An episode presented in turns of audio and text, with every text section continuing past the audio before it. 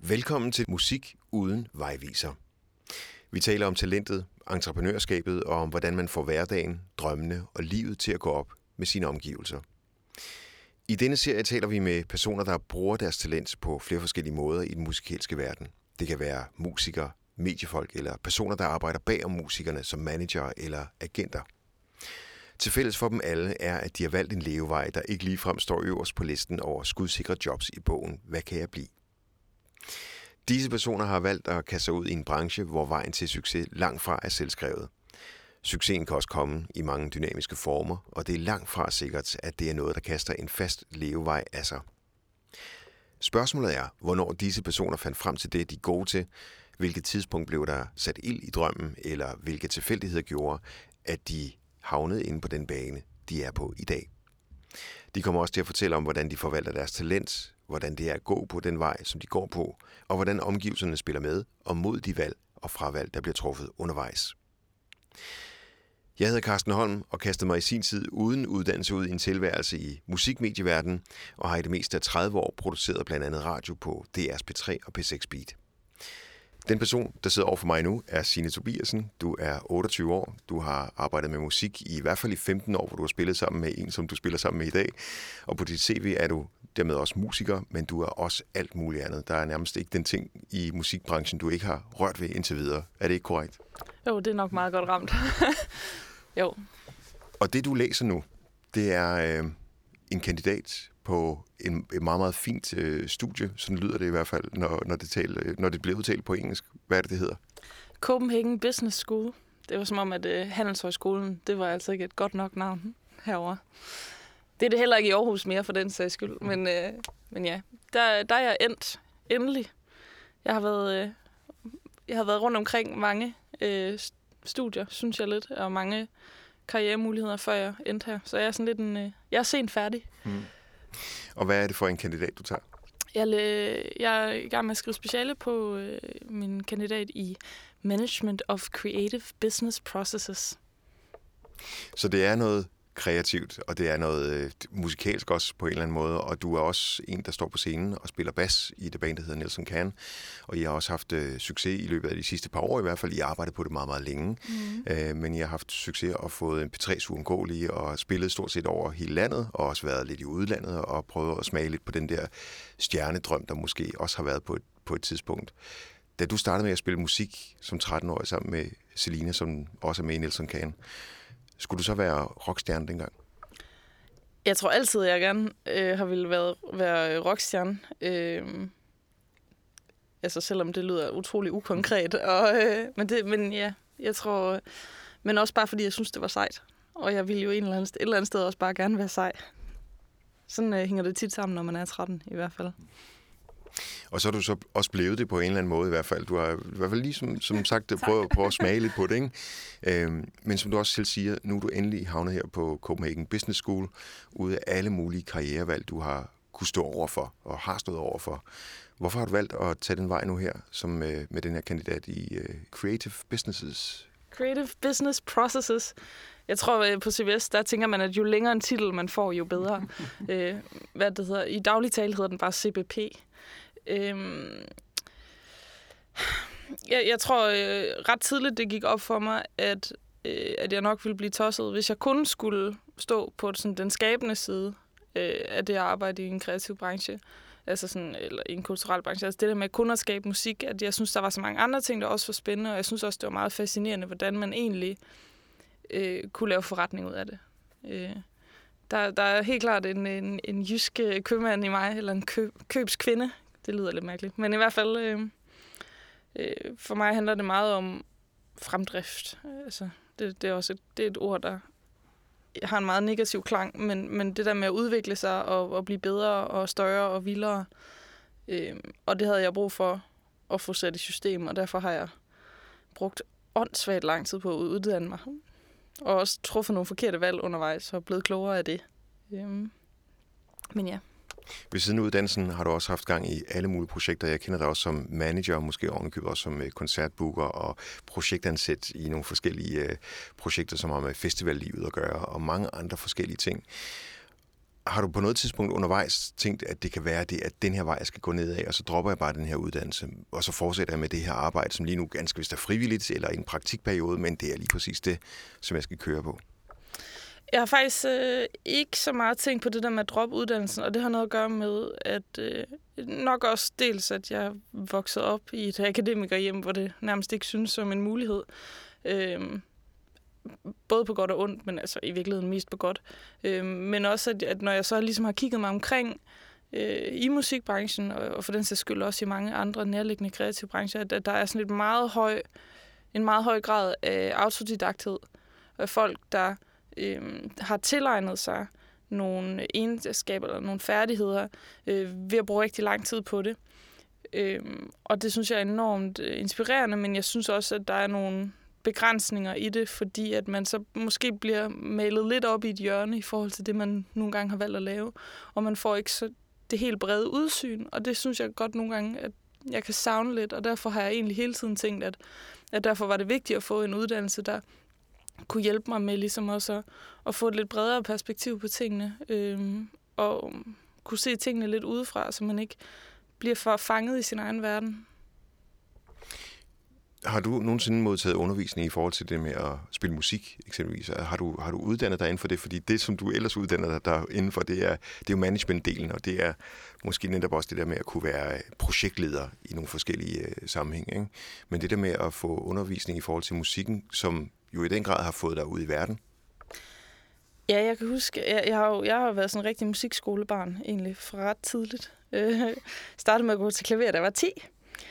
Øhm, og, og, og fik undervisning i det i nogle år, og har siden også fået noget undervisning, musikskoleundervisning i bas. Og øh, jeg havde det simpelthen. Altså det, det, det der format fungerede aldrig for mig, det der med at sidde og, og, og lære alle mulige fjollede skalaer og fingerstillinger og sådan nogle ting. Fordi for mig var det jo ikke det var ikke det, jeg ville. Jeg ville jo være en sej rockstjerne. Jeg ville ikke nødvendigvis være mega dygtig teknisk. Øhm, og, og det er jo sådan et, et paradoks, der kan være i rigtig meget øh, uddannelse, hvad end det er kunstnerisk eller ej. Altså, der, der, der er nogle problemer i at dygtiggøre sig rigtig meget inden for et eller andet, den, den akademiske vej, eller den sådan, teoretiske vej, lige så vel som der er problemer ved at, at gå, gøre det 100% den anden vej. Øhm, så øhm, jeg, har, jeg har faktisk prøvet mig, øh, også senere hen, efter jeg begyndte at spille Nelson Kane, med øh, at få noget undervisning i, i at spille bas, men, men det har simpelthen aldrig fungeret for mig. altså, det, jeg, jeg bruger musik som et sprog. Og hvis jeg skal udtrykke, hvad jeg føler, og hvad jeg tænker, og hvad jeg er gennem musikken, så, så, så skal det sættes frit, eller sættes fri, det her sprog. Øhm, og, og, og der har jeg virkelig set musikundervisning som en begrænsning. Så det sprog, det skal ikke kunne tæmmes på nogen som helst måde, men det skal, det skal alle de her forskellige projektting jo i forhold til din managementuddannelse. Der, der, skal ligesom, der er jo ligesom en manual at gå efter, ikke? men det der musikalske, det er noget, der skal være selvlært. Den der autodidakthed, som du finder inspiration i fra andre mennesker. Det må også være det, der spiller ind, ikke? Jeg ved ikke, om det skal være sådan. Altså, jeg synes også, forskellen er, at når jeg udtrykker mig med min musik, så, så er det jo ikke et, et, et, et øh, et krav, at folk kan være med, for at, at jeg oplever det som en succes. Men når man er ude i sit arbejdsliv, så vil man jo gerne have, at folk kan følge med i et eller andet omfang, så de, så de kan være med. Øhm, fordi at, at i musik, altså hvad end man kan lide det eller ej, så er det jo lidt sådan, at når jeg står på en scene, så, så er det mig, der har den, og så er der nogle andre, der står udefra og kigger på eller lytter med.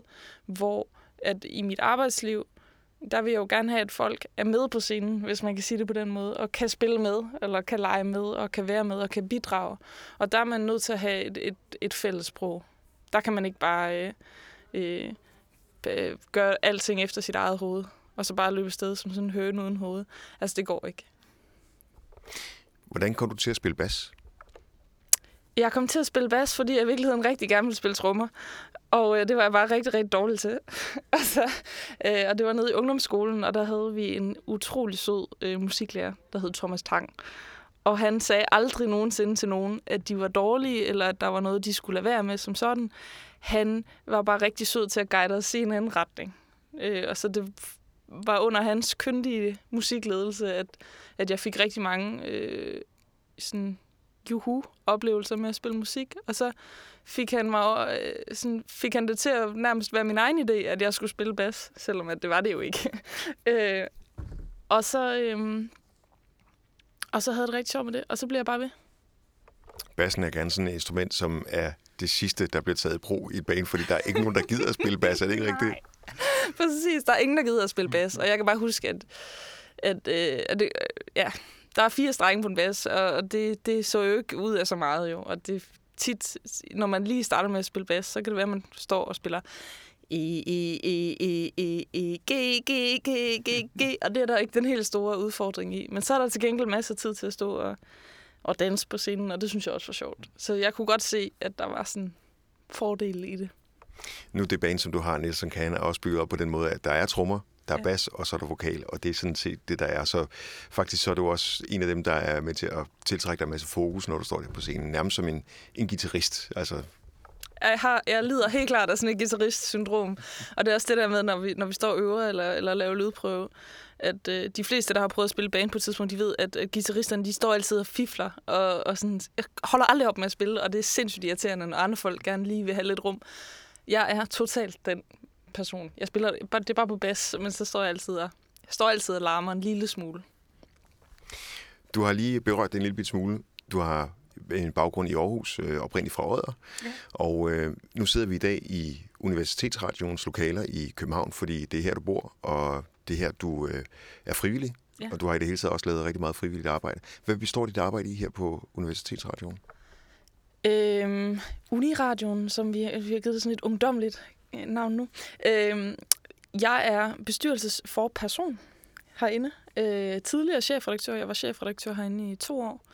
øh, hvor jeg brugte rigtig meget energi på at, at opdatere foreningen øh, og, og styrke sammenholdet herinde. Øhm, og det gør jeg sådan set stadig, men nu, nu er det lidt mere sådan strategisk niveau, hvor det før var meget sådan dag til dag. Øh, og så selvfølgelig med det redaktionelle øh, øh element øh, også. Øh, jeg arbejder meget på at, at, øh, at tage den her platform, som er en frivillig forening for primært studerende, unge mennesker, som har en interesse i medieproduktion og musik, og så ligesom skabe et sted, hvor de kan udvikle deres færdigheder og, og, og få et sprog for at formidle, eller få evnerne til at formidle deres egne fag, for det er jo ikke alle herinde, der kommer fra sådan en mediebaggrund. Nogle er øh, jurastuderende, og nogle er øh, øh, biologistuderende osv. Så altså sådan det her med, at man kan komme herind og øh, øh, lære og, og blive bedre til at formidle sit fag. Jeg synes jeg faktisk er en ret væsentlig rolle, vi spiller. Og så handler det jo også om at skabe øh, øh, fællesskaber for unge mennesker og, øh, og ja, styrke foreningslivet. Jeg synes, foreningslivet er vigtigt. Altså det her med, at man, man giver hinanden sin tid og sin interesse. Øhm, og man får en succesoplevelse af at lære ting sammen. Men det der med tid, det er også lidt en udfordring, fordi der er jo trods alt kun de der 24 timer i døgnet, og det virker til, at du både med studie og med den musikalske karriere, som jo også er en ubestemmelig art, den har du jo ikke noget schema for. Øh, får I et P3-hit eksempelvis, så skal I lige pludselig ud og spille rigtig meget, så får I travlt. Får I ikke noget hit, jamen så er der lidt mere dødvanden på en eller anden måde, så er der tid til at lave alle mulige andre ting.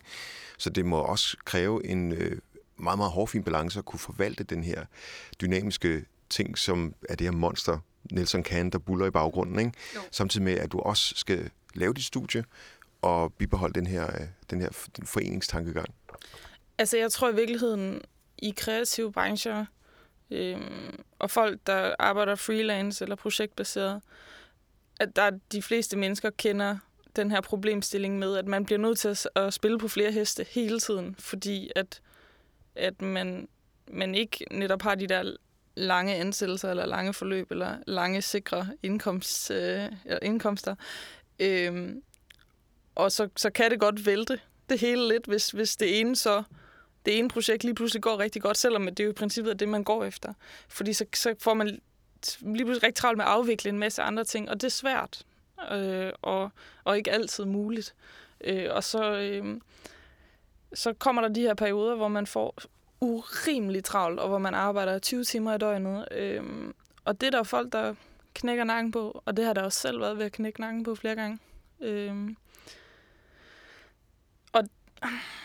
altså det er jo, det er jo, det er jo det her, der, der også er svært for rigtig mange, som altså entreprenører og altså folk, der i det hele taget er selvstændige, og folk, der har et meget stort ansvar for deres egen karriere, og ikke øh, bare, bare, siger jeg, men, men bare har et fuldtidsarbejde et sted, hvor der ligesom er et, en ramme, der hedder 9-4 eller et eller andet. Øhm, og det er en gave, fordi man, man får lov at, man har en større frihed for at plan, altså man kan planlægge sin tid lidt bedre, øh, eller sådan mere fleksibelt. Men, men, men det, det giver anledning til en masse bekymringer, og det, jeg tror også, at det er derfor, man vil se, at, at hvis, man laver, hvis man kunne lave sådan en eller anden arbejdsmiljøundersøgelse af sådan nogle miljøer, så, så tror jeg egentlig, der vil være en, en, en, en højere grad af stress og, og andre følge sygdomme i, i sådan det psykiske spekter. Men hvordan så med at indrømme, at man har stress? Fordi der kan godt være en tendens til, at når man møder hinanden i den her, hvad kan vi kalde det, frie, musikalske, kreative verden, at så er man der bare med en fed idé, altid med et smil på læben og masser af overskud, kæmpe energi. Er der så også sådan et græn af, at det her med stress og alt det, som alle de bekymringer, som du også snakker om, at det er noget, vi ikke rigtig viser hinanden? Jeg synes, vi er blevet bedre til i det danske samfund måske som hele, og i tale sætte de her lidt svære ting, som stress og angst og, og hvad der ellers måtte være. Men når du arbejder freelance eller selvstændigt, så kan det være meget vanskeligt selvfølgelig overhovedet at indse det og indrømme det, men også at vide, hvor man skal gå hen med det. Altså fordi hvis du er din egen chef, hvordan går, så kan du ikke gå til chefen og sige, hey, jeg har brug for øh, det, det, det. Altså, så er man lidt låst. Øh. Hvad gør du? Hvad gør jeg? Altså, man kan sige, jeg er jo heldig, at jeg spiller i et band, for eksempel, hvor jeg har nogen at spare med hele tiden. Øh, og og jeg, jeg tænker meget i faktisk at have sådan en, en kreds omkring mig. Øh, øh, øh, venner og kolleger og sådan nogle ting, som, som er nogen, man kan spare med. Jeg tror også bare for mig handler det om, at, at nu, jeg har prøvet at knække nakken på det. Et par gange. Så jeg ved, hvordan det er. Og, øh, og er blevet mere opmærksom på at i tale sætte de her ting, før de opstår, og, og få sagt fra til ting. Men, men hvad jeg reelt gør, når det hele ramler, jamen der er jeg jo nok egentlig ikke bedre stillet nu, end jeg var tidligere. Jeg er måske bare lidt bedre til at, at fange det i opløbet. Og så er der noget med at trække stikket fuldstændig. Ja, men, men så, så står man jo også bare med den selv. Ikke? Altså, og, og netop når du så arbejder freelance eller projektbaseret, så, sådan nogle ting, så, øh, så hvis du trækker stikket på en masse projekter, så står du uden indkomst. Altså, så man kan sige, hvis, hvis man bliver ramt af de her ting, så bliver tæppet altså virkelig trukket væk under en. Øhm, og øh, man kan sige, at nu er jeg 28, og den erfaring, jeg har med de her ting, har jo ligget i perioder, hvor jeg så også har været studerende, og altid har kunne falde tilbage på min SU eller et eller andet jeg var min mor og far. Øh, øh, men, men, men det er jo ikke alle, der hverken er så heldige, eller, eller så unge, eller så øh, øh, struktureret. Altså, og når, når først det ramler, så er man altså på den. Altså, så, jeg ved egentlig ikke, hvor det er, vil hen med det her andet, end at, at man skal vide, når man kaster sig ud i de her ting, at, at, at øh, man skal altså virkelig tænke over, hvordan man vil sikre sig, når det går galt. Fordi det går galt på et eller andet tidspunkt. Øh, det skal det næsten. Altså, det er jo også det, de fleste entreprenører siger, eller de succesfulde entreprenører, som, øh, eller selvstændige, som, de har jo gået brøven med fire firmaer, før de lavede den, der virkelig øh, øh, gik godt, ikke? Øhm, og der synes jeg også, den her sådan idol, idolisering øh, af entreprenørerne, og sådan entreprenøren som superstjerne, synes jeg er sådan lidt forfejlet, fordi at, øh, at jeg synes ikke, jeg synes egentlig, det er en ret hård livsstil, når man lige sådan sætter sig ned og lige tænker lidt over det. Og det synes jeg ikke nødvendigvis bør være et ideal for nogen. Øhm, og det er i hvert fald noget, man skal være meget opmærksom på, at, at det er sådan. Og så kunne man jo godt øh, ønske sig, at der var nogle fagforeninger og nogle, nogle A-kasser og sådan nogle ting, som havde mere fokus på det og var bedre til at støtte ind i de situationer, hvis man får brug for det. Øh, og det er mit indtryk, at det, det stadig er lidt svært at få det til at hænge sammen.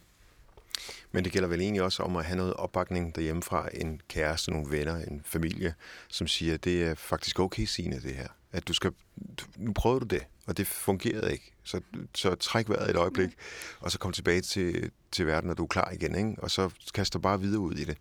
Det kræver vel også, at der er, der er nogle omgivelser, der bakker op omkring en, ikke? Helt klart. Altså, jeg tror, jeg tror der ikke, der er nogen, der kan gå igennem livet uden den form for opbakning, uanset om man er sådan en uh, type eller ej.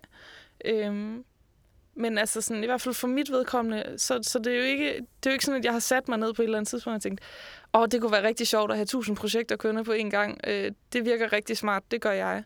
Altså, når jeg kaster mod i alt muligt, så, så, så, man sige, så er det fordi, jeg kan lade være. Og det er jo, lidt, det er jo, det er jo sådan lidt en, en, en virus, eller hvad man skal sige. Altså sådan, jeg, jeg kan jo ikke, altså, jeg kan jo ikke stoppe. Altså, jeg, sådan er jeg bare. Jeg er nødt til bare at klø på, og, og jeg, jeg bliver sindssygt grebet af ting, og så går jeg all in, og så bliver et eller andet projekt lige pludselig sådan hele mit liv, og, og, og, og sådan, og, og folk kan være meget imponeret af mit engagement, men, men for mig er det jo ikke, det er jo ikke, et, det er ikke, det er ikke et valg, jeg træffer. Jeg føler, at projekterne vælger mig, øh, og så bliver jeg sygt opslugt af det. Øh, så, så det her meget velmenende råd, der kan komme fra venner og familie indimellem med, sådan, skulle du ikke lige tage den med ro, og, og hvad med lige at sige nej til noget en gang imellem?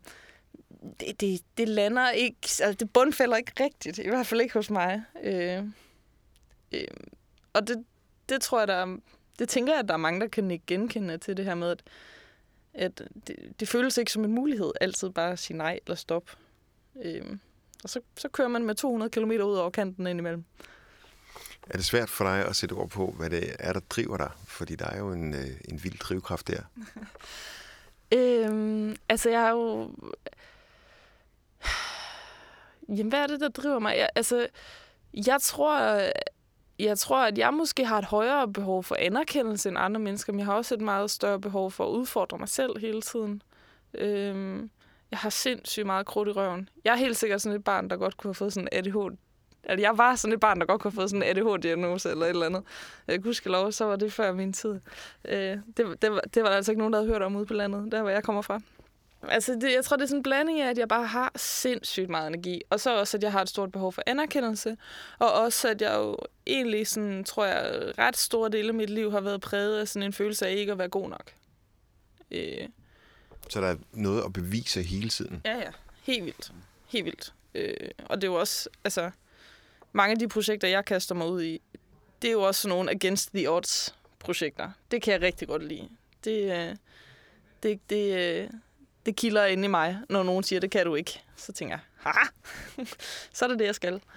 Øhm, men, men ja, så enhver, der sidder og hører de ord, det her med ikke at føle sig god nok, og øh, stort behov for anerkendelse, ved jo også, altså kan jo også godt se, at, at det selvfølgelig også har nogle problematikker i sig. Men jeg prøver egentlig bare at være så opmærksom på det som muligt, og, og i talesætte det så meget som muligt, også bare for øhm, at, at få det til at se så realistisk ud som muligt for folk, der står udenfor og kigger på og synes, det ser spændende ud. Så bare ligesom sige, der er altså også øh, bagsider af at, at, at køre på på den måde, som jeg gør. Men det der med at flytte fra, fra Odder, Aarhusegnen til København, for at være en del af den musikscene, der er i den her by, som jo selvfølgelig også er Danmarks største musikscene. Der er trods alt flere mennesker her i, i den her by end andre steder i landet. Det er vel også noget med at flytte til et sted, et epicenter på en eller anden måde, hvor det er, at du kan omgive dig med det her døgnets 24 timer, ikke? Altså, jeg, jeg var 19, da jeg flyttede til København, og jeg, jeg, havde ikke, jeg tænkte ikke så meget over det andet, end jeg bare skulle så langt væk fra året som overhovedet muligt.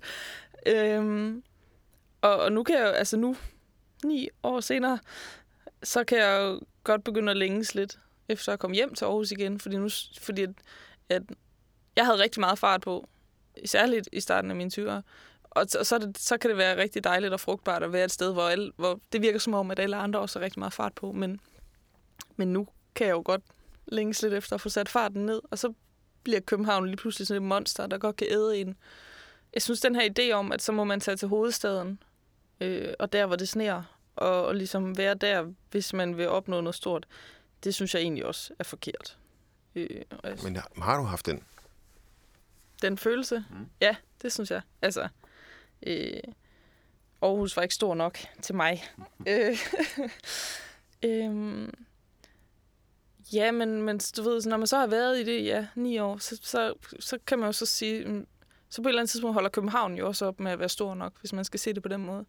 Om skal man så videre til London, eller New York, eller, eller hvad? Og det trækker overhovedet ikke i mig, kan jeg mærke. På den måde, i hvert fald. Øhm.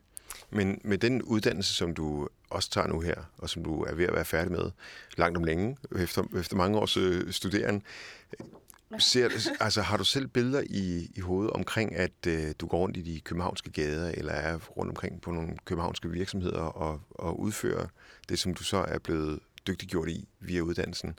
Eller er det øh, nogle billeder, hvor du kan være hvor som helst i verden, det skulle være?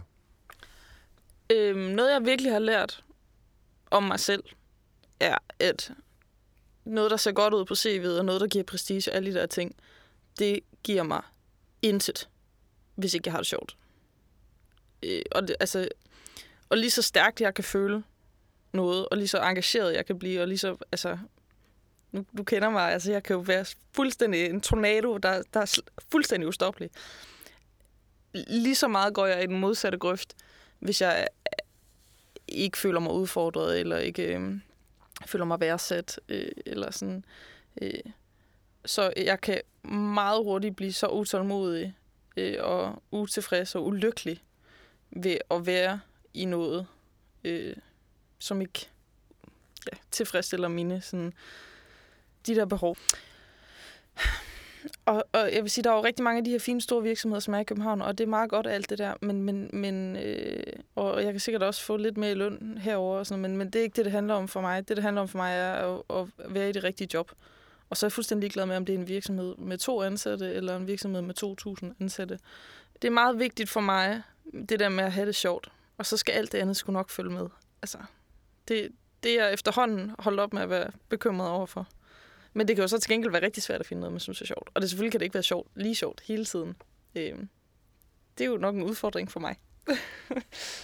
Men så er der det med, at du på et tidspunkt så får det her job, som er mega sjovt, og som bare optager dig fuldstændig. Mm. Men du vil jo stadig blive ved med at spille musik, og det kan være, at Nielsen kan igen lige om lidt rammer et nyt hit, mm. og dermed også skal bruge og tid på det, og ikke bare i Danmark, men måske i resten af verden. Der er jo flere forskellige ambitionsplaner, du ligesom kører med. Kan du overhovedet lige nu, mens du sidder her i en alder 28, vurdere, hvad der er den fedeste og den sjoveste at gå efter. Den mest fornuftige vil nok være der, hvor du kan få en fast indkomst og et fast arbejde og en kontrakt. Mm. Det kan man ikke rigtig med, med Nelson Kahn, men altså, hvad, hvad vil være det fedeste? Hvad vil være det sjoveste? Altså, øh, min far har altid sagt til mig, at han troede, at jeg ville blive ulykkelig, hvis jeg bare blev sådan en standard øh, arbejdstager. Øh, og øh, selvom jeg længes efter den tryghed, det giver at have et fast arbejde, så tror jeg I, egentlig, han er ret. Altså, jeg, enten skal jeg starte mit eget, eller så skal jeg være en, i, i en virksomhed i vækst, hvor jeg kan sætte et rimelig solidt aftryk. Øh, sådan at smide en, en sine ånd ind i det.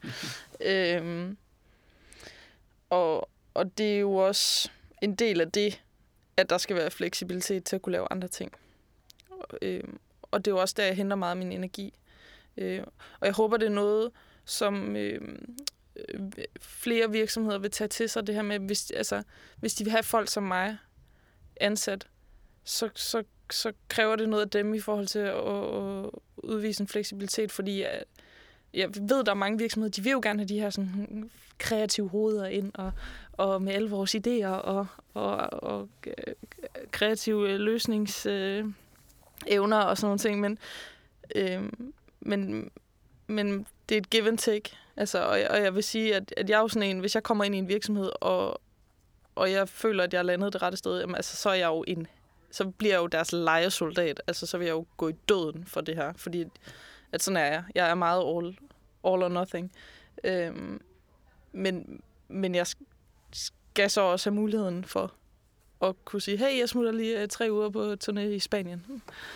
Øh, eller et eller andet. Og så komme tilbage med fornyet energi, og, og, og, øhm, og så måske arbejde 80 timer i fire uger, eller et eller andet. Altså sådan, øhm, jeg, savner, jeg, jeg savner den her fleksibilitet i mange større virksomheder. Også det her med, sådan, hvad er en arbejdsuge, og hvad er arbejdstid, og sådan ting. Altså, jeg synes ikke, vi debatterer og diskuterer de her ting nok. Fordi for mig i virkeligheden, så sådan det her koncept med weekend, det synes jeg er helt vildt underligt. Jeg vil meget hellere arbejde non-stop i tre uger, og så have fri en uge, og så arbejde non-stop i tre uger, og have fri en uge. Øhm, fordi at jeg, det der med at tænde og slukke hele tiden, det er sygt forstyrrende for sådan en som mig. Øhm, men det var samfund bare ikke indrettet til. Og det er en udfordring for mig. Jeg vil gerne have lov til at ønske dig alt muligt held og lykke, tak. og så sige mange tusind tak for snakken. Selv tak. Og også tak, fordi at du lyttede med. Jeg hedder Carsten Holm. Denne spotcast-serie var produceret af Kompaniet Holm i samarbejde med Magasin, Rosa og Spot.